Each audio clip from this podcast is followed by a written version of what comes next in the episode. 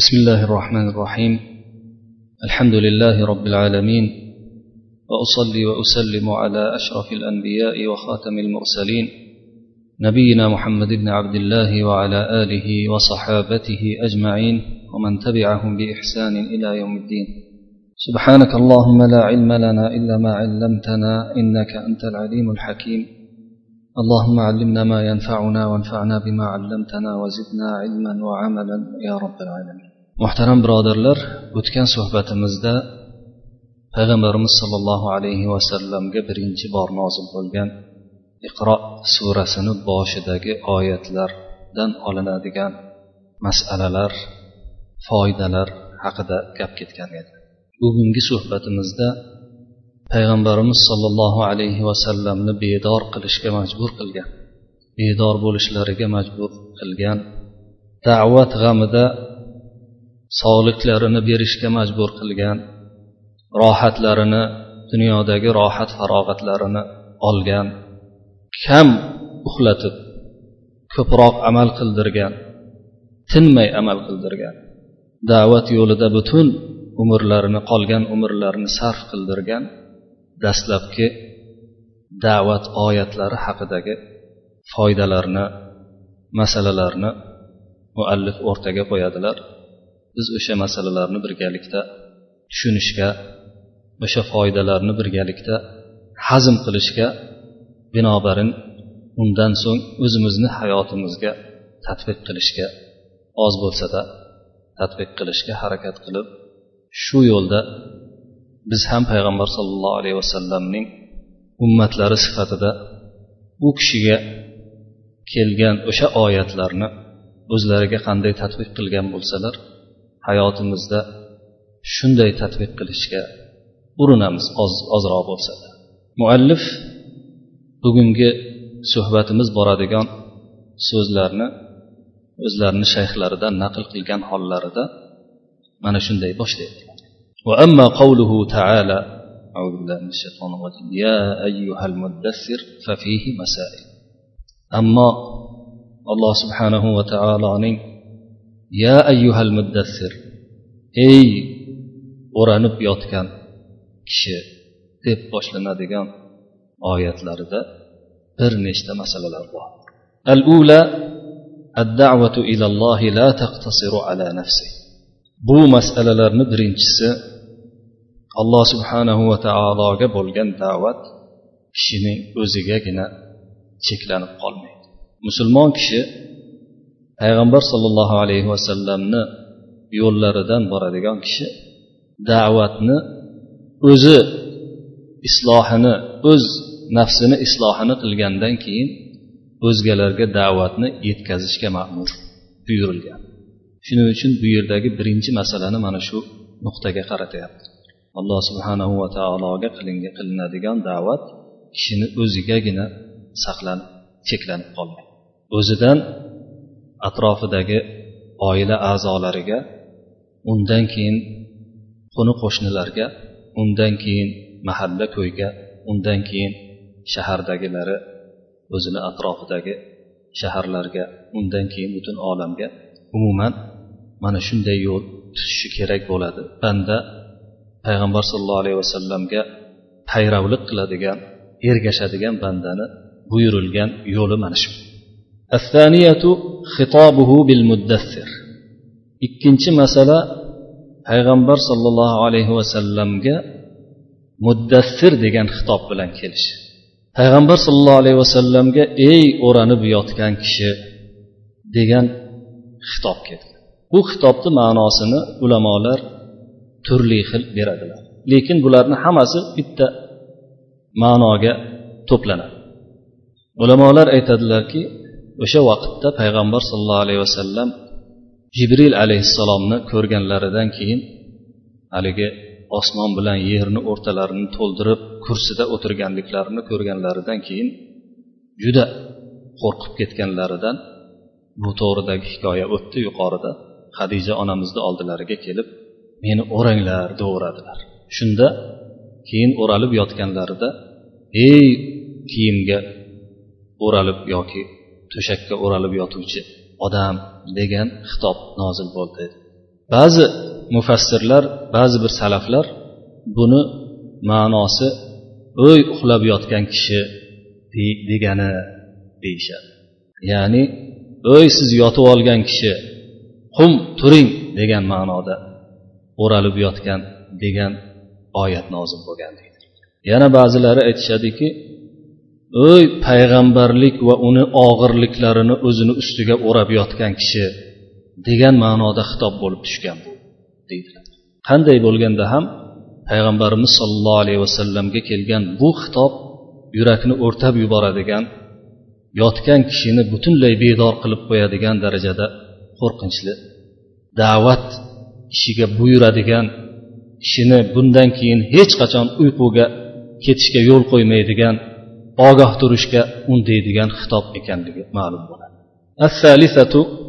uchinchi masala أن الداعية يبدأ بنفسه فيصلح عيوبها uchinchi masala shuki da'vatchi kishi avvalo o'zini isloh qilishi lozim avvalo o'zini isloh qilib keyin boshqalarni isloh qilishga o'tadi avvalo o'zini isloh qilib o'zidan boshlab o'z ayblarini imkoni boricha mumkin qadar isloh qilishi kerak bo'ladi. Chunki bu oyatlarni ba'zilarida ey o'ranib yotgan kishi turgin ogohlantirgin rabbingni ulug'la kiyimlaringni pokla degan oyat nozil bo'lgan. Buni hali tafsiri kengroq bo'lib keladi. Siyabaka fatohirdan murod kiyimlaringni pokla degandan murod birinchi navbatda ichki kechinmalarni avvalo alloh taologa iltijo qilishni isloh qilib ma'naviy taraflaringni butunlay pokla. Moddiy kiyimlaringni ham butun hamma atrofingni o'rab turgan senga aloqador bo'lgan narsalarni ham pokla deganligi mana shu masalada aytib o'tilgan da'vatchi avvalo o'zini isloh qilib ayblarini ayblarini imkon qadar tugatishga buyurgan buyurilgan ekanligini bildiradi. To'rtinchi masala shuki alloh subhanahu va taoloni bilib ya'ni taniganligi jihatidan va hamda amaliy ravishda ulug'lash. Ilmiy va amaliy ravishda ulug'lash. Ilmiy deganda bu yerda o'sha amaliyni ziddiga kelayotgan holat. Bizda nazariy degan gap bo'ladi o'sha ilman degandagi ma'no shu ma'noda ya'ni alloh taoloni faqat nazariy tanib tanib qo'yib nazariy jihatdan tanib qo'yib alloh subhanahu va taoloni sifatlarini ulug'ligini bilib qo'yib kifoya qilish kerak emasligini balki amalda o'shani tasdiqlash ekanligini tasdiqlash kerakligini bildiruvchi o'sha oyatlar nozil bo'ldi. Al xomisatu um, beshinchi masala beshinchi masala hijron rujuzdan uzoq bo'lish ya'ni butlardan uzoq bo'lish. Rujuzni tafsirida ham ulamolar turlicha fikrni bildirgan. Jumhur ulamolar buni bundan murod sanamlar butlar deyishgan bo'lsa ba'zi ulamolar bundan murod g'azab ba'zilar esa ma'siyat deyishgan. Rujuz degani o'sha yuqorida ulamolar aytib o'tgan barcha ma'nolarini o'z ichiga olib aytsa ham bo'laveradigan narsa hisoblanadi. Ya'ni varrujza fahjur degani siz shirkni butlarni va ma'siyatlarni barcha ma'siyatlarni tark qiling ya'ni siz o'zingizni o'sha haligi yuqorida islohingizni boshlang degandagi ma'no mana shundan ham chiqadi. Butun tavhidga zid bo'ladigan barcha narsalardan siz o'zingizni yuqori qiling o'zingizni poklang degan ma'noda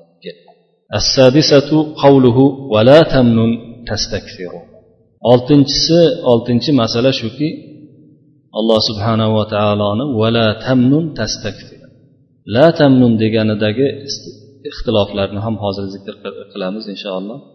Bu yerdagi birinchi ma'noni aytib o'taylik. Siz berayotganingizda undan ko'prog'ini talab qilib bermang degan ma'noni ham aytishgan.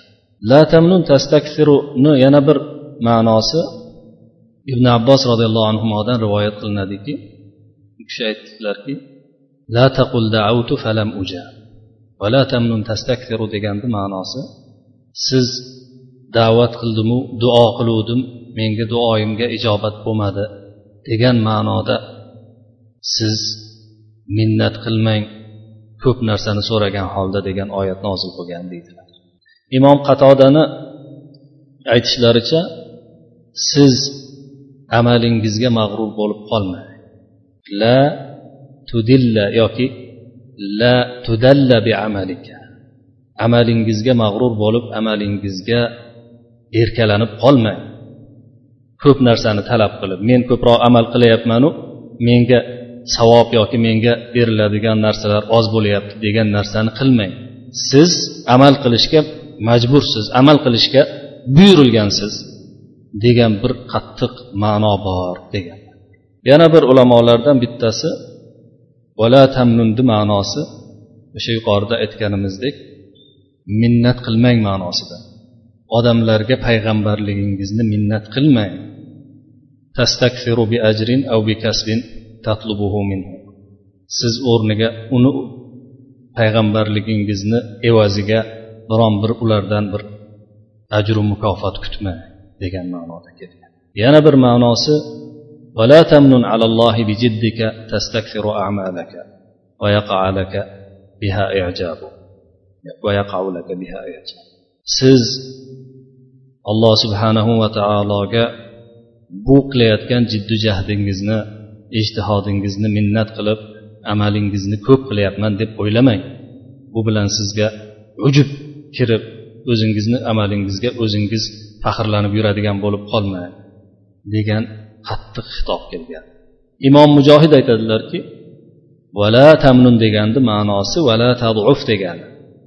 Siz juda bu kelgan buyruqlardan qo'rqib ketib zaiflikka tushib qolib biz sizga yuklagan payg'ambarlik yuklarini ko'p ekan deb qo'rqib qolmang degan ma'nosi ham bor deydi xullas ulamolarni aytgan ma'nolari shu yuqorida aytilgan lafzlarda e, namoyon bo'ldi.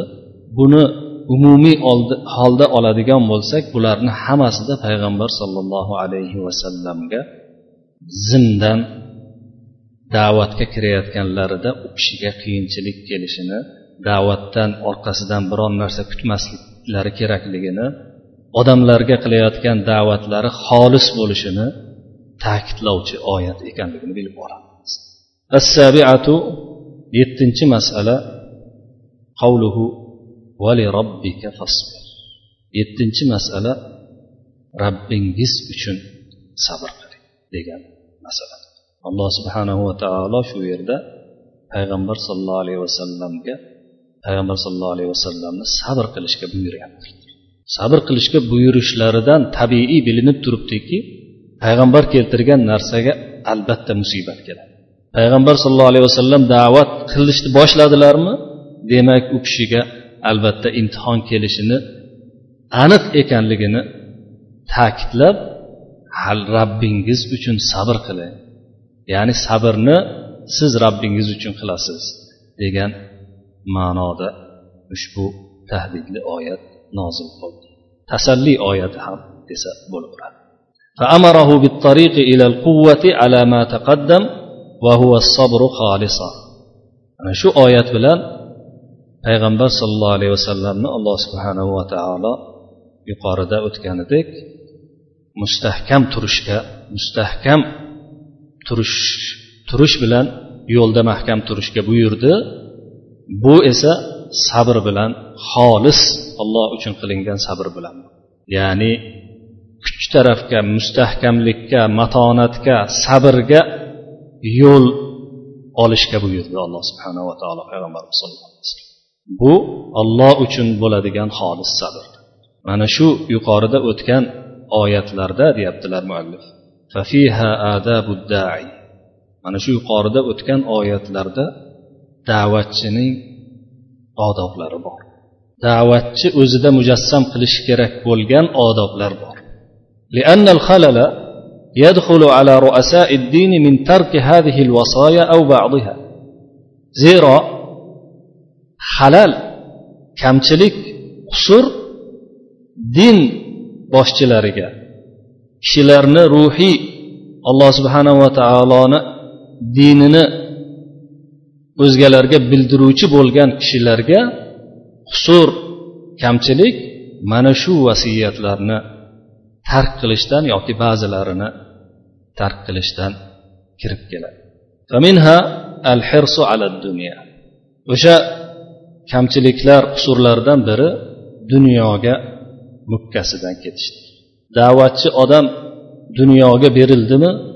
U odamning qilayotgan da'vatida manfaat kam bo'lib qoladi odamlarga ta'siri bo'lmay qolishi ehtimoli juda ko'payadi. Chunki payg'ambar sallallohu alayhi vasallamni mana shu yerda buyurilgan narsasiga u odam labbay deb javob bera olmagan bo'ladi.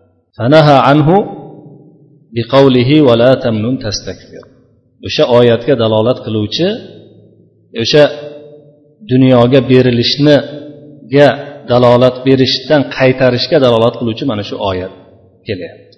Alloh subhanava taolo payg'ambar sollallohu alayhi vasallamni dunyoga berilishdan mana shu oyat bilan qaytaryapti. Siz minnat qilmang. Ko'p talab qilgan hol. Odamlardan o'zingizga qilgan da'vatingizga bir ajr berilishini mukofot berilishini talab qilgan holda siz ularga biron narsa bermang degan oyat.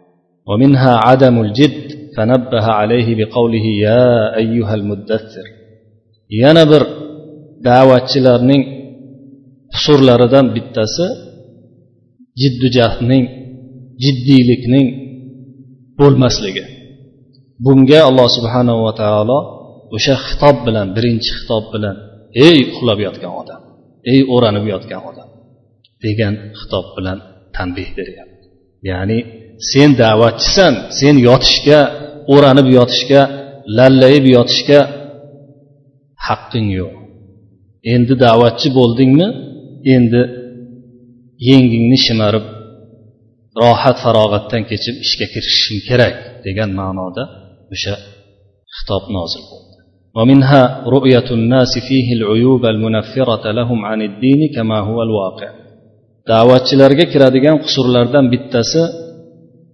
odamlarning da'vatchi sifatida da'vatchini obrazida odamlarni dindan nafratlantirib qo'yadigan ayblarni ko'rib qolishlari bu narsa ko'p voqeda sodir bo'ladi.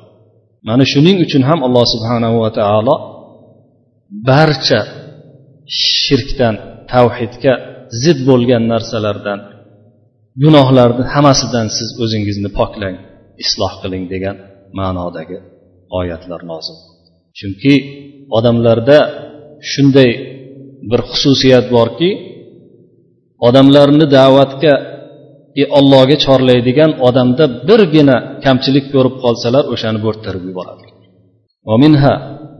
التقصير في تعظيم العلم الذي هو من التقصير في تعظيم الله Da'vatchilarda bo'ladigan qusurlardan bittasi alloh subhanahu va taoloni ulug'lashda kamchilik qilishni bir qismi bo'lgan. Alloh subhanahu va taoloni ulug'lashdagi kamchilik qilishni bir qismi bo'lgan ilmni ulug'lashdagi kamchilikdir. Ya'ni da'vatchilarni bir xususiyatlaridan da'vatchilarni qusurlaridan bittasi o'zi olayotgan ilmni qadrlash ulug'lashni ortga surib o'sha olayotgan ilmga kishilarni beparvo qilishga sabab bo'lib qolishi mumkin. Mana shu ham da'vatchilarni payg'ambar sollallohu alayhi vasallamga ergashuvchi bo'lgan kishilarni qusurlaridan bittasi hisoblanadi. Kishilarni da'vat yo'lida yurgan kishilarni qusurlaridan yana biri da'vat mashaqqatlariga sabr qila olmaslik. Da'vatni mashaqqatlari boshqa mashaqqatlardan ko'ra og'irroq bo'ladi. O'sha narsaga sabr qiladigan kishilar payg'ambar sollallohu alayhi vasallamni meroslaridan ko'proq olgan kishilar qanchalik ko'proq olgan bo'lishsa shunchalik ko'proq sabrga ega bo'ladi. Kishilarni dinga da'vat qiladiganlarni qusurlaridan eng kattalaridan bittasi ixlosni bo'lmasligi qilayotgan ishlari xudo uchun xolis bo'lmasligi alloh subhanava taolo uchun xolis bo'lmasligi ومنها عدم هجران الرجز أو عدم هجران الرجز أو التقصير في ذلك kishilarni da'vatga chorlaydigan alloh subhanava taoloni yo'liga chorlaydigan kishilarni qusurlaridan bittasi rujuzni o'sha oyatni tafsirida aytib o'tilgan narsalarni narsalardan chetlashmaslik yoki bu chetlashishda kamchilikka yo'l qo'yish. Bu narsa odamlarga eng zarar beradigan kamchiliklardan hisoblanadi.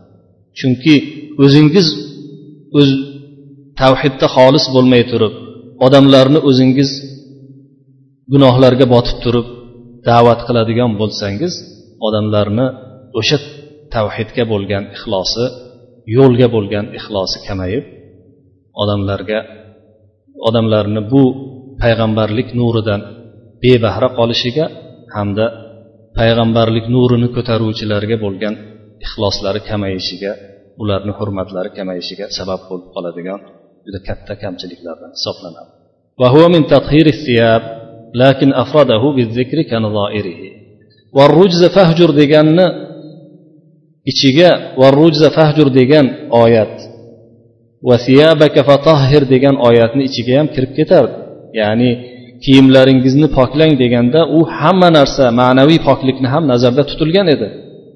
O'shani ichiga butlardan uzoqlashish butun ma'siyatlardan forig' bo'lish forig' bo'lishga harakat qilish ham kirardi. Lekin bu yerda muhimligi uchun zikr qilib alohida zikr qilib o'tilyapti فأول اقرأ فيه الأمر بطلب العلم وأول المدثر فيه الأمر بالعمل به demak deb keyingi nuqtalarda yuqorida o'tgan suhbatimizda aytib o'tilgan iqro surasini boshidagi oyatlar bilan bu hozirgi bugungi suhbatimizda aytilayotgan muddassir surasini boshilaridagi boshidagi oyatlarni o'rtada muqorana qilib shu xulosaga endi kelyaptilar aytyaptilarki iqroni avvalida talabi ilmga buyruq bor iqro degan ilm talab qilishga muddassirni boshida esa amalga buyruq الثانية أول اقرأ فيه معرفة الله وأول المدثر فيه الأدب معه ikkinchidan iqroni boshida alloh subhanahu va taoloni tanish bor ma'rifasi bor muddassirni boshida esa alloh subhanahu va taolo bilan qanday odob saqlash o'rgatilyapti الثالثة أول اقرأ فيه إنعامه عليك وأول المدثر فيه حقه عليك uchinchi uchinchidan iqroni boshida sizga qanday inom qilganligi sizni qanday yaratganligi zikr qilingan bo'lsa muddassirni boshida sizni tepangizda alloh subhanahu va taoloni qanday huquqlari borligini zikr qilyapti qanday haqqi borligini zikr qilyapti. To'rtinchidan arrobiatu avvalu fihi isti'ana va avvalul muddassir fihi sabr to'rtinchidan iqroni boshida iqro oyat e, surasini oyatlarini boshida alloh subhanahu va taolodan yordam so'rash bor. Iqro bismi robbik deb kelgan ollohni nomi bilan nomi yordamida o'qigan. Muddassirni boshida esa sabr buyurilyapti sabr kelyapti. Chunki kishida alloh subhanahu va taolo bilan bog'lanib yordam so'rab sabr qilinar ekan juda katta ikkita omil paydo bo'lgan bo'ladi da'vatini yaxshi ketishi uchun.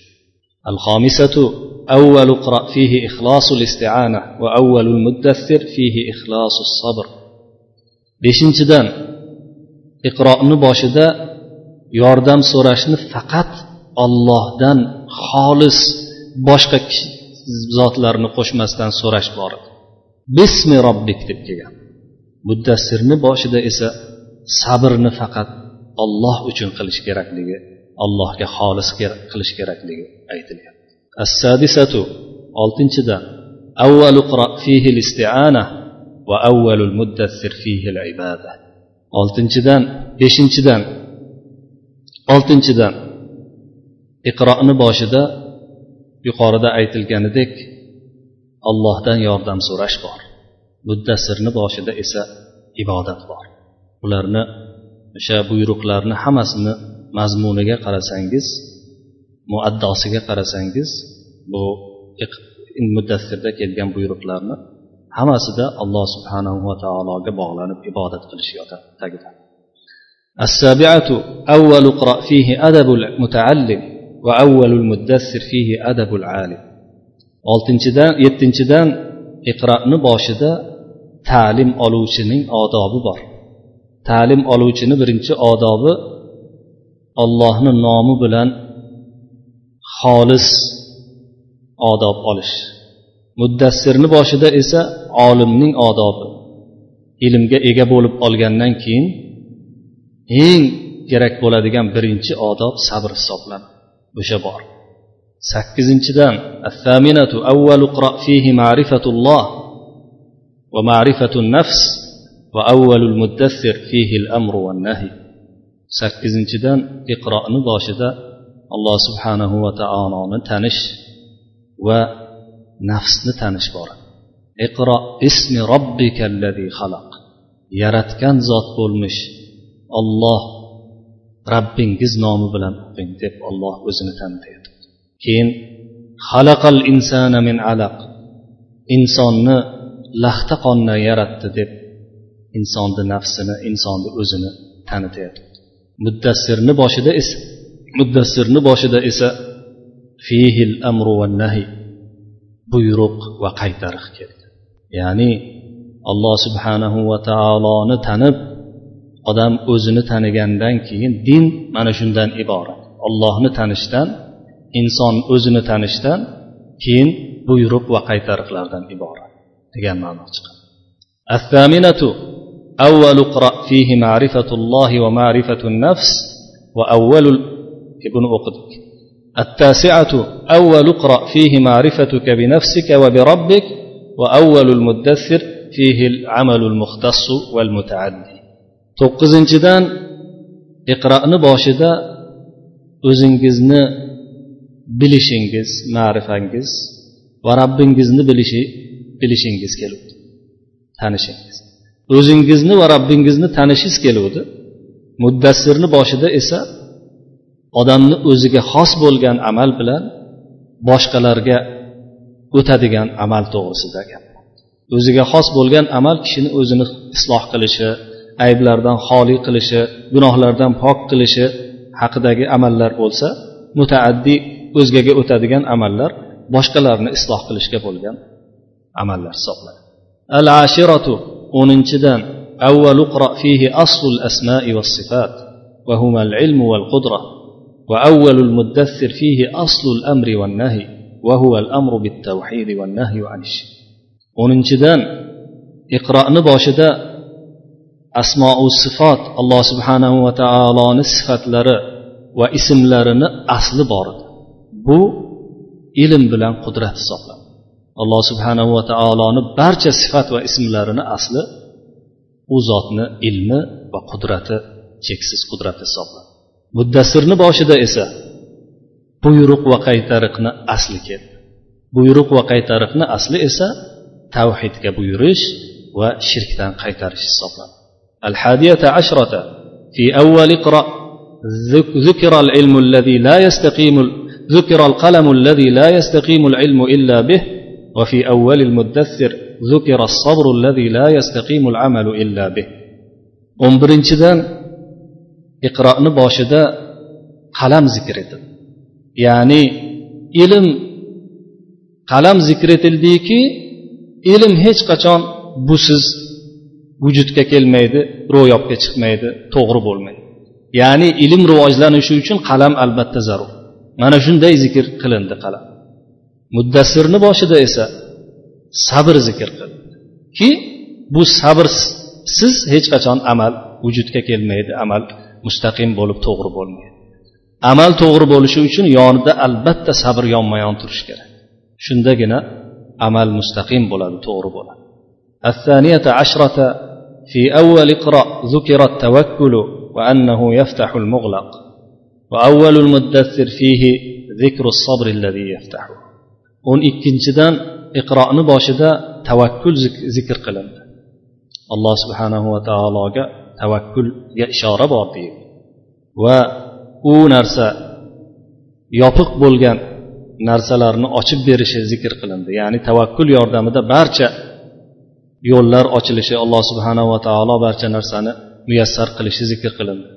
Muddasirni boshida esa sabr zikr qilindiki sabr kishini hamma narsalarga kishini hamma narsalarga sobit turishga yo'lida hamma narsalar ochilishiga olib keladi الثانية عشرة في أول اقرأ العمل المختص وأول المدثر فيه العمل المتعدي o'n uchinchidan iqroni boshida xos kishini o'ziga cheklangan amal kelgan ya'ni iqro bismi robbikallazi xalaq rabbingiz nomi bilan ilm oling o'qing degan buyruq kelgan o'ziga xos bo'lgan buyruq boshqalarni aytmasdi muddassirni boshida esa qum faanzir turing o'rningizdan odamlarni ogohlantiring degan mutaaddiy boshqalarga o'tadigan o'timli amal keldi الرابعة عشرة في أول اقرأ ست مسائل من الخبر وفي أول المدثر ست مسائل من الإنشاء o'n to'rtinchidan iqroni boshida berilgan xabarlardan oltita masala zikr qilindi. E'tibor bergan bo'lsangiz iqro bismi robbik rabbingiz nomi bilan o'qing deganda rab butun dunyoni hojasi alloh subhanahu va taolo ekanligi aytilyapti. Bu birinchi xabar. Allazi xalaq deyishi bilan butun dunyoni yaratgan ekanligi xabar berilyapti. Bu ikkinchi xabar. Halaqal insana min alaq deyishi bilan insonni laxta qondan yaratdi deyishi bilan uchinchi xabarni keltirgan. Iqro va robbukal akram deb parvardigoring hamma zotdan hammadan ko'ra karamliroq deyishi bilan to'rtinchi xabarni beryapti. Iqro va robbukal akram allazi allama bil qalam. Qalam yordamida ta'lim berdi deyishi bilan beshinchi xabar zikr qilinayotgan bo'lsa allamal insana ma lam ya'lam deyishi bilan insonga bilmaganini o'rgatdi deyishi bilan oltinchi xabar zikr qilinmayapti deydilar muallif. Muddassirni boshida esa sittu masaila minal insha oltita masala keldi buyruqlardan iborat bo'lgan masalalar ya ayyuhal muddassir qum turing degan buyruq faanzir ogohlantiring odamlarni degan buyruq uchinchi buyruq qum faanzir va robbaka fakabbir rabbingizni ulug'lang degan buyruq va siyabaka fatahhir to'rtinchi buyruq kiyimlaringizni poklang degan va rujza fahjur beshinchi buyruq rijzdan butun tavhidga zid bo'lgan narsalarni hammasidan siz uzoqda bo'ling degan beshinchi buyruq bo'lsa oltinchi buyruq vala tamnun tastakfir. Odamlardan minna odamlardan ajr talab qilgan holda odamlardan ko'pini talab qilgan holda siz odamlarga biron narsa bermang yoki minnat qilmang degan oltita ketma ket tahdidli buyruqlar nozil bo'ldi payg'ambar al xomisata ashrata fi avval iqro zikru badil xalq وأول المدثر ذكر الحكمة فيه فيه ذكر الحكمة فيه o'n beshinchidan iqroni boshida yaratishni boshlanishi zikr qilingan bo'lsa muddassirni boshida bu yaratishdan bo'lgan hikmat zikr qilindi iqro bismi robbikallazi xalaq deb yaratishni boshi zikr qilingan bo'lsa xalaqal insona min alaq deb insonni odam alayhissalomni yoki insonni butun inson zotini zikr qilayotgan bo'lsa bundan insonni yaratishdan bo'lgan maqsadni hikmatni qum faanzir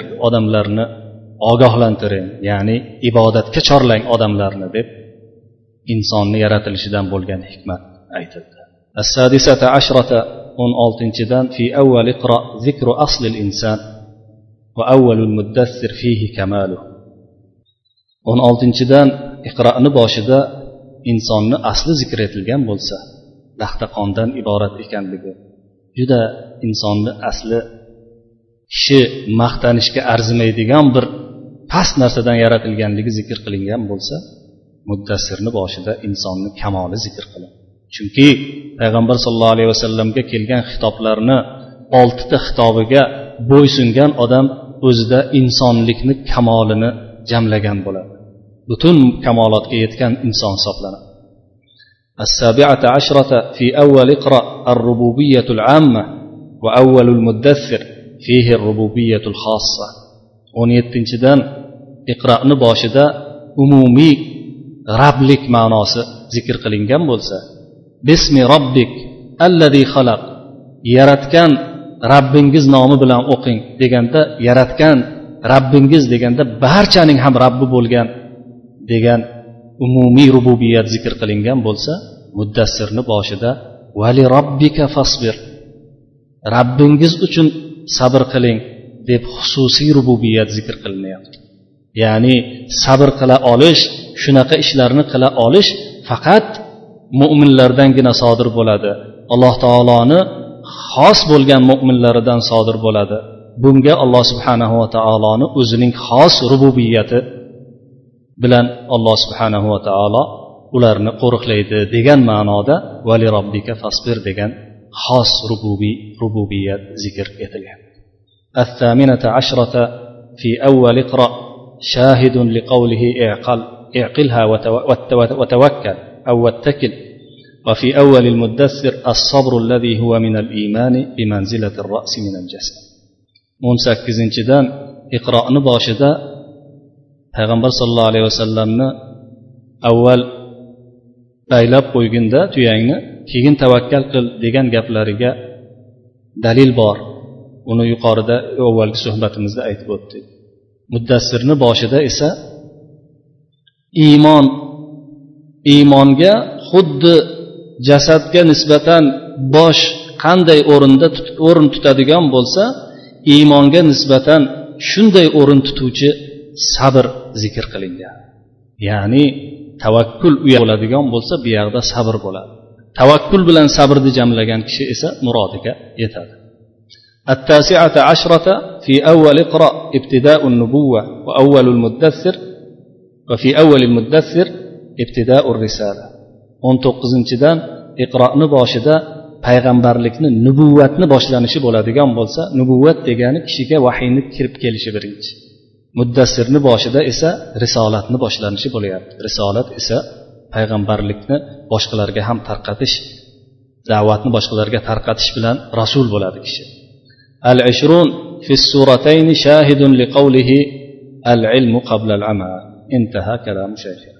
Yigirmanchidan ikkita surada ham ulamolarni ilm amaldan oldin bo'ladi degan gaplariga dalil bo'lyapti avval siz o'zingizni ilmingizni rivojlantirib ilmingizni olib alloh subhanava taoloni taning keyin amalga yuzlaning degan ma'nodagi ulamolarni zikri e, ulamolarni gapiga shu yuqoridagi ikkita ikkita surani boshlaridagi oyatlarni barchasi dalolat qilyapti deydilar.